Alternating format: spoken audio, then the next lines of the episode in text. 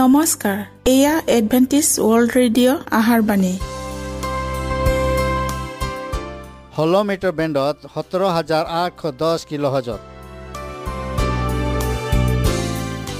Adventist world radio যোগে অসমীয়া ভাষাত প্ৰচাৰিত আহাৰ বাণী প্ৰত্যেক বুধবাৰ আৰু দেওবাৰ সন্ধিয়া সাত বজাত আহাৰ বাণী শুনাৰ পিছত আপোনালোকৰ কিবা মন্তব্য আৰু প্ৰশ্ন থাকিলে আমালৈ এই ঠিকনাত লিখক। আমাৰ ঠিকনাটি হৈছে Adventist World Radio' seven day Adventist মণ্ডলী অসম শাখা লতাকাটা বশিষ্ট গুৱাহাটী সাত আঠ এক শূন্য দুই ন।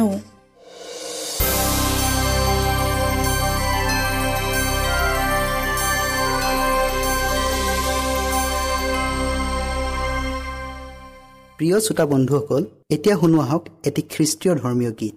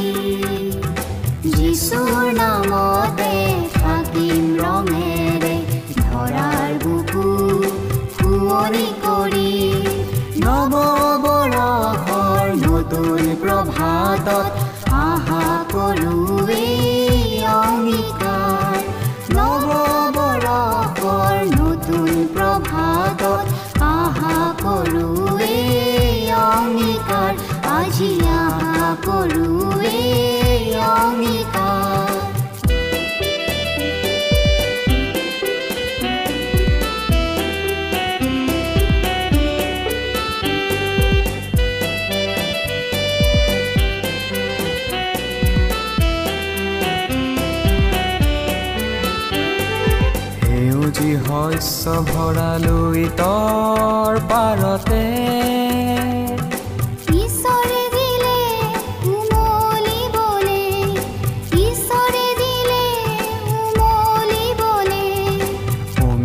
মাধুৰী সানি প্ৰেমৰ বাণীৰে।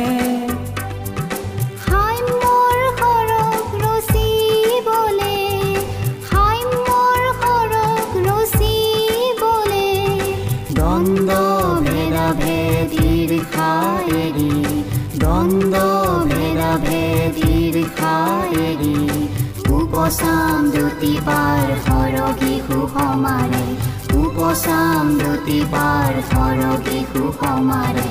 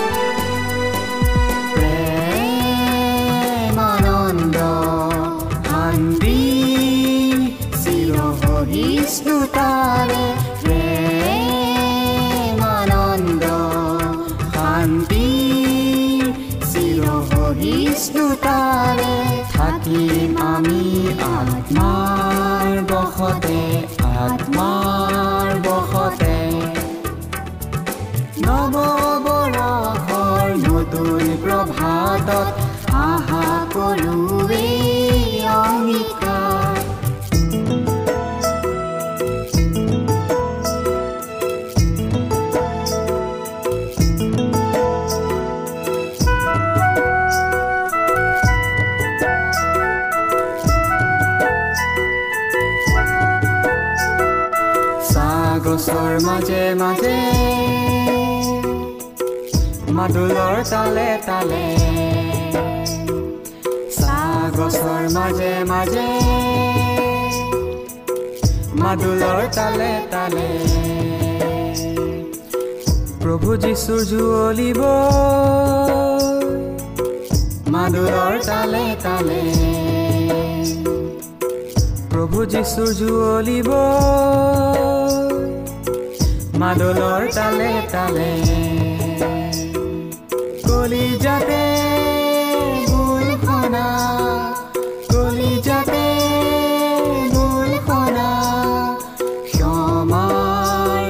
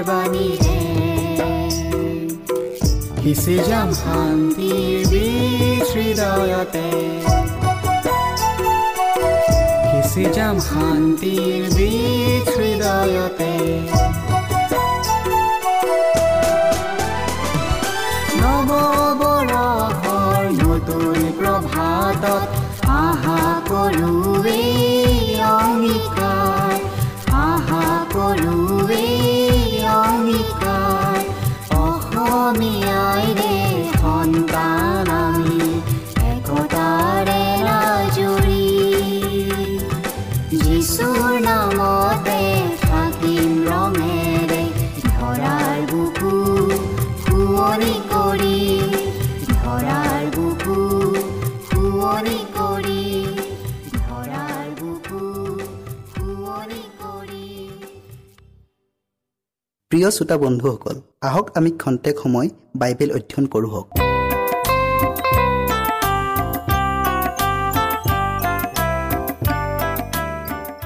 আজিৰ বিষয় হৈছে খ্ৰীষ্টিয়ানে দেওবাৰ কিয় পালন কৰে? আজি অনেক চিন্তাশীল খ্ৰীষ্টিয়ানে প্ৰশ্ন কৰে যিহেতু বাইবেলত শনিবাৰ দিনটোৱেই পবিত্ৰ বিশ্ৰামবাৰ বুলি স্পষ্টকৈ উল্লেখ আছে। এনেস্থলত সৰহ সংখ্যক খ্ৰীষ্টিয়ানে দেওবাৰ দিনটো কিয় পালন কৰে? বিশ্ৰাম দিনটো শনিবাৰৰ পৰা দেওবাৰলৈ কোনে সলনি কৰিলে? কেনেকৈ আৰু কেতিয়া সলনি কৰা হ'ল? ইত্যাদি প্ৰশ্নবোৰে মানুহক চিন্তাগ্ৰস্ত কৰি তুলিছে। শাস্ত্ৰত উল্লেখ আছে সৃষ্টিৰ প্ৰথম সপ্তাহৰ শেষ দিনটোক ঈশ্বৰে আশীৰ্বাদ আৰু পবিত্ৰ কৰি নিজে বিশ্ৰাম কৰিলে। এয়া পৃথিৱীৰ জন্মদিন। ঈশ্বৰৰ সৃষ্টিৰ মহান কাৰ্যক সোঁৱৰণ কৰিবৰ অৰ্থে এই সপ্তম দিনক পৃথক কৰা হ'ল। ঈশ্বৰে বিশ্ৰাম দিনক কেতিয়াও সলনি কৰা নাই। পবিত্ৰ শাস্ত্ৰত কৈছে কিয়নো মই যি জিহুৱা মোৰ পৰিৱৰ্তন নাই। আন ঠাইত কৈছে ঈশ্বৰ মানুহ নহয় যে তেওঁ মিছা কথা ক'ব কাৰণ তেওঁ মিছা নোকোৱা ঈশ্বৰ। পবিত্ৰ শাস্ত্ৰত ঈশ্বৰে এইদৰে কোৱা পাওঁ মই মোৰ নিয়মটি লংঘন নকৰিম আৰু মোৰ ওঠৰ পৰা ওলোৱা বাক্যৰ অন্যথা নকৰিম। ঈশ্বৰৰ ওঠৰ পৰা কি বাক্য উচ্চাৰিত হৈছিল? চিনয় পৰ্বতত তেওঁ কৈছিল তুমি বিশ্ৰাম দিন সোঁৱৰণ কৰি পবিত্ৰ কৰা। কিন্তু সপ্তম দিন তোমাৰ ঈশ্বৰ যি হোৱাৰ উদ্দেশ্যে বিশ্ৰাম দিন। আমি জানো যে তেওঁ মিছা নোকোৱা ঈশ্বৰ। আপুনি ইয়াত নিশ্চয় সমৰ্থন জনাব নহয় জানো? যীশুৱে বিশ্ৰাম দিনক কেতিয়াও সলনি কৰা নাই। যীশুৱে কৈছিল মই মুচিৰ বিধান আৰু ভাওবাদীসকলৰ বাক্য বিনষ্ট কৰিবলৈ আহিছো বুলি নাভাবিবা। বিনষ্ট কৰিবলৈ নহয় কিন্তু সিদ্ধ কৰিবলৈহে আহিছো। যীশুখ্ৰীষ্ট ঈশ্বৰৰ আজ্ঞাৰ বাধ্যতা আছিল। তেওঁ ঈশ্বৰৰ বিধানৰ স্থিতিৰ ৰূপ এইদৰে কৈছিল মই তোমালোকক সত্য কথা কওঁ। শুনা স্বৰ্গ আৰু পৃথিৱী শেষ নহয় মানে। বিধানৰ এটি আকাৰ ইকাৰ বা এটি বিন্দু লুপ্ত নহ'ব। মন কৰোঁ হওক স্বৰ্গ আৰু পৃথিৱী এতিয়াও ইয়াতেই আছে। সেয়ে ঈশ্বৰৰ বিধান আৰু তেওঁৰ পবিত্ৰ বিশ্ৰামবাৰো বৰ্তমানেও আছে। এইখিনিতে কোনোবাই সুধিব পাৰে যীশুৱে বিশ্ৰামবাৰ কোনো প্ৰকাৰে সলনি কৰা নাই বুলি জনাৰ কিবা উপায় আছেনে? হয় আছে। যীশুৱে জিৰচালেম নগৰ পতনৰ বিষয়ে ভাৱবাণী কৰি শিষ্যবিলাকক কৈছিল জিৰচালেম নগৰৰ পতন সত্তৰ খ্ৰীষ্টাব্দত হৈছিল। তোমালোকৰ পলোৱা যেন জাৰকালি বা বিশ্ৰামবাৰে নহয় তাৰ নিমিত্তে প্ৰাৰ্থনা কৰা। যীশুৱে তেওঁৰ ক্ৰুচীয় মৃত্যু আৰু উত্থানৰ ঊনচল্লিছ বছৰৰ পাছতো বিশ্ৰামবাৰ পালন হৈয়েই থাকিব বুলি কৈছিল। সত্তৰ খ্ৰীষ্টাব্দত ৰোমিয়া সৈন্যৰ দ্বাৰাই জিৰচালেম নগৰৰ পতন ঘটিছিল। আচৰিত কথা এই যে স্বয়ং যীশুৱেও কোৱা নাছিল তেওঁ আশীৰ্বাদ আৰু পবিত্ৰ কৰা বিশ্ৰামবাৰ সপ্তম দিনৰ পৰা সপ্তাহৰ প্ৰথম দিনলৈ মানুহে সলনি কৰিব। পাচনিবিলাকেও বিশ্ৰাম দিনক কেতিয়াও সলনি কৰা নাছিল। কিছুমান মানুহে কয় যে খ্ৰীষ্টীয়ৰ পুনৰুত্থানৰ পাছত কেৱল যিহুদীবিলাকেহে বিশ্ৰামবাৰ পালন কৰিছিল। কিন্তু বাইবেলত পোৱা যায় যে খ্ৰীষ্টীয়ৰ স্বৰ্গাৰোহণৰ বহু বছৰৰ পাছতো পাচনিবিলাকে যিহুদীবিলাকৰ নামঘৰত আৰু পৰজাতিবিলাকৰ আগতো প্ৰত্যেক বিশ্ৰামবাৰে শিক্ষা দিছিল। পৌলৰ বিশ্ৰামবাৰ পালনৰ বিষয়ে এইদৰে পোৱা যায়। পৌলে তেওঁৰ নিয়ম অনুসৰি নামঘৰলৈ গৈ তিনিটা বিশ্ৰামবাৰে মানুহবিলাকক শাস্ত্ৰৰ উদ্ধৃতি দি প্ৰচাৰ কৰিছিল। তেওঁৱেই সেই খ্ৰীষ্ট বুলি। যীশু সৰ্গলৈ যোৱাৰ বাইছ বছৰৰ পাছতো পাচনিবিলাকে বিশ্ৰামবাৰ সলনি হোৱাৰ বিষয়ে একো জনা নাছিল আৰু তেনে শিক্ষাও দিয়া নাছিল বৰং তেওঁলোকৰ নিয়ম অনুসৰি বিশ্ৰামবাৰহে পালন কৰিছিল। খ্ৰীষ্টৰ পুনৰুত্থানৰ পাছতো সেই সময়ৰ শ্ৰেষ্ঠ আৰু প্ৰধান শিষ্য পৌলেও বিশ্ৰামবাৰ পালন কৰিছিল আৰু তেওঁ আন্তঃক্ষিয়া আৰু আন আন ঠাইত চৌৰাশীবাৰ বিশ্ৰামবাৰ পালন কৰিছিল বুলি উল্লেখ আছে। মাত্ৰ এবাৰ মাথোন দেওবাৰে শনিবাৰ নিশা তেওঁ প্ৰচাৰ কৰিছিল। সেয়াও পৌলৰ শেষ বিদায় সভাহে আছিল। বিশ্ৰামবাৰ শনিবাৰৰ পৰা দেওবাৰলৈ কেতিয়া সলনি কৰা হ'ল? বাইবেলখন সম্পূৰ্ণ হোৱাৰ বহু বছৰৰ পাছত ঈশ্বৰীয় আইনসংগত ক্ষমতা নোপোৱা মানুহৰ দ্বাৰাই বিশ্ৰামবাৰক দেওবাৰলৈ সলনি কৰা হ'ল। প্ৰখ্যাত ইতিহাসবিদ নিয়েণ্ডাৰে কৈছে আন আন পৰ্ব দিনবোৰৰ দৰে দেওবাৰ পৰ্ব পালনৰ দিনটো মানুহে পতা বিধি মাথোন আছিল। ইয়াক ইয়াক ঐশ্বৰিক আজ্ঞাৰ দ্বাৰাই বিশ্ৰামবাৰ অৰ্থাৎ শনিবাৰ পৰা দেওবাৰলৈ সলনি কৰি পাচনিবিলাকৰ দিনত আৰু মণ্ডলীত পালন কৰাৰ কোনো উল্লেখ নাই আৰু প্ৰমাণো নাই। History of the Christian religion and church পৃষ্ঠা হৈছে এশ আঠষষ্ঠি পৃষ্ঠা। দেওবাৰৰ সংজ্ঞা। আমি এইদৰে পাওঁ দেৱ পূজকবিলাকৰ বিশেষকৈ সূৰ্য উপাসকবিলাকৰ এটি প্ৰধান পৰ্বদিন। North British Review volume eighteen পৃষ্ঠা হৈছে চাৰিশ ন। ৱেবষ্টাৰে দেওবাৰৰ সংজ্ঞা এইদৰে দিছে দেওবাৰ দিনটো সূৰ্য উপাসকবিলাকে সূৰ্যৰ উদ্দেশ্যে উৎসৰ্গ কৰা সপ্তাহৰ প্ৰথম দিন। ৱেবষ্টাৰৰ অভিধান ঊনৈছশ ঊনত্ৰিছ খ্ৰীষ্টাব্দৰ সংস্কৰণ। কণ্টেষ্টাইনৰ দেওবৰীয়া আইন। চতুৰ্থ শতিকাৰ আগভাগত ৰোমৰ সম্ৰাট কণ্টেষ্টাইনে খ্ৰীষ্টীয় ধৰ্মত দীক্ষিত হয়। সেই সময়ত ৰোমৰ ৰাজধৰ্ম আছিল মিথ্ৰাইজিম অৰ্থাৎ দেৱপূজা বা সূৰ্য পূজা সমগ্ৰ ৰোম সাম্ৰাজ্যত এই ধৰ্মৰ সংখ্যা গৰিষ্ঠ লোক আছিল। ৰোমত প্ৰজাবিলাকৰ আগত নতুন ধৰ্ম অৰ্থাৎ খ্ৰীষ্টীয় ধৰ্ম প্ৰচাৰৰ অৰ্থে সূৰ্য পূজাক সমাজৰ জনপ্ৰিয় অনেক প্ৰচলিত অখ্ৰীষ্টীয় বিধি খ্ৰীষ্টীয় ধৰ্মত সংযোগ কৰা সম্ৰাট কণ্টেষ্টাইনে অনুভৱ কৰিলে।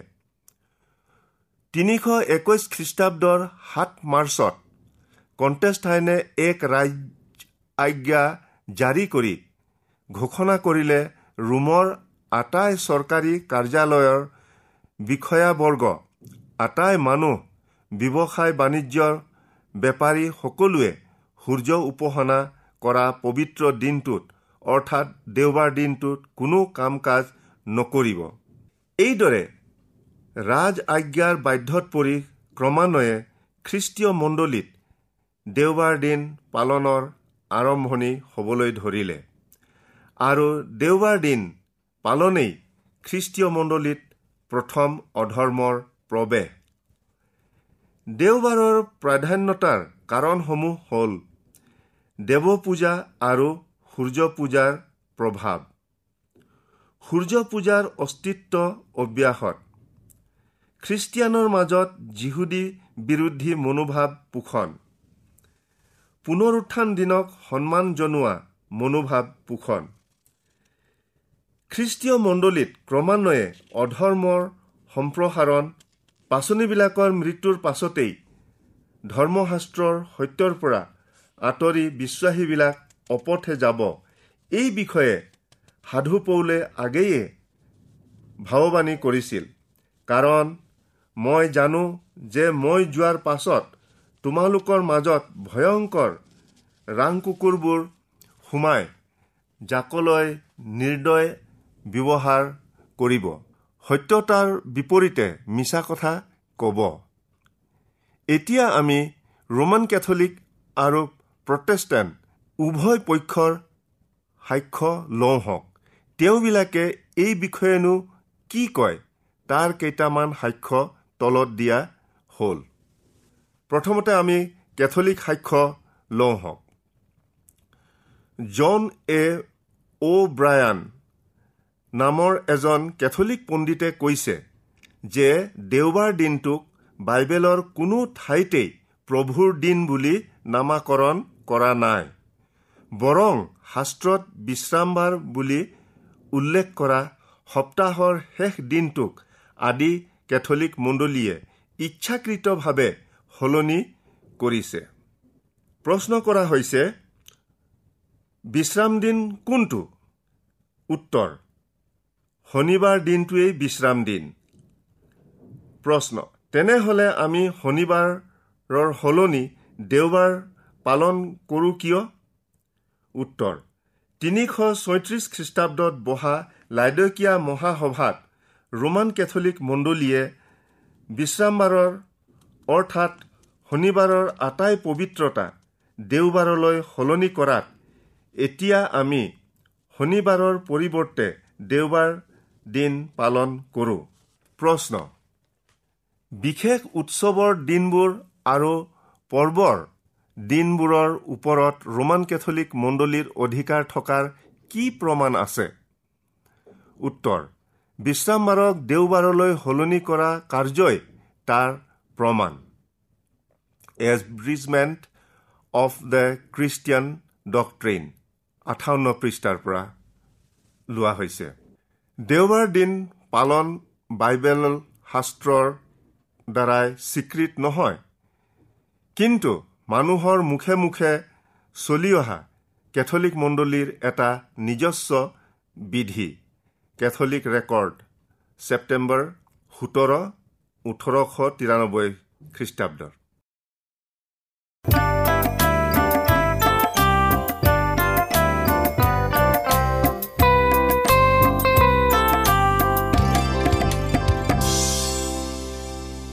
ইমানপৰে আমি বাইবেল অধ্যয়ন কৰিলোঁ। এতিয়া আকৌ শুনো আহক এটি খ্ৰীষ্টীয় ধৰ্মীয় গীত।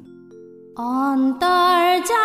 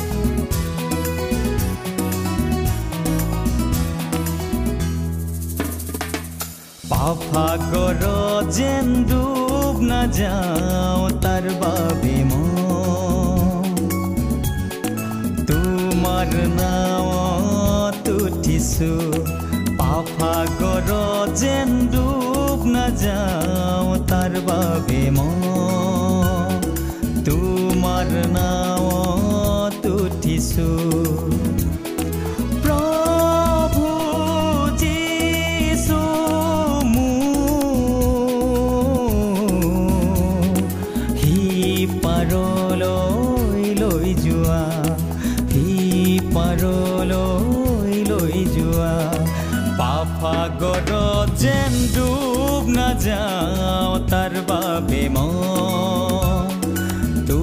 তোমাৰ নাৱত উঠিছো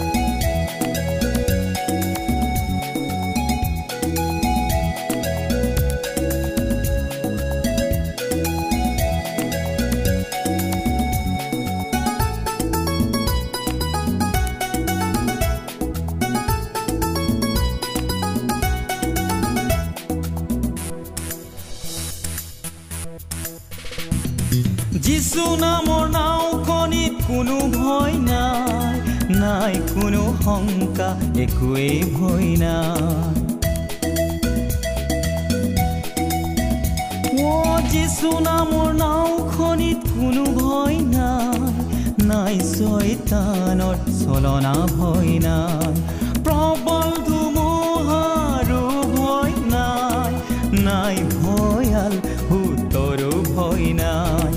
যিচু বঠা বাই বাই হে ভাই নিয়ে শান্তিৰে মনত ৰাখিব আমাৰ ঠিকনাটি পুনৰ কৈ দিছোঁ Adventist World Radio' Assam region of seven day Adventist Voice of Hope Latakata Basistha Guwahati seven eight one zero' two nine প্ৰিয় শ্ৰোতা বন্ধুসকল এডভেণ্টিজ ৱৰ্ল্ড ৰেডিঅ' যোগে আহাৰবাণী প্ৰচাৰত আপোনালোকক পুনৰ লগ পোৱাৰ আহাৰে আজিলৈ সামৰিলোঁ। ধন্যবাদ।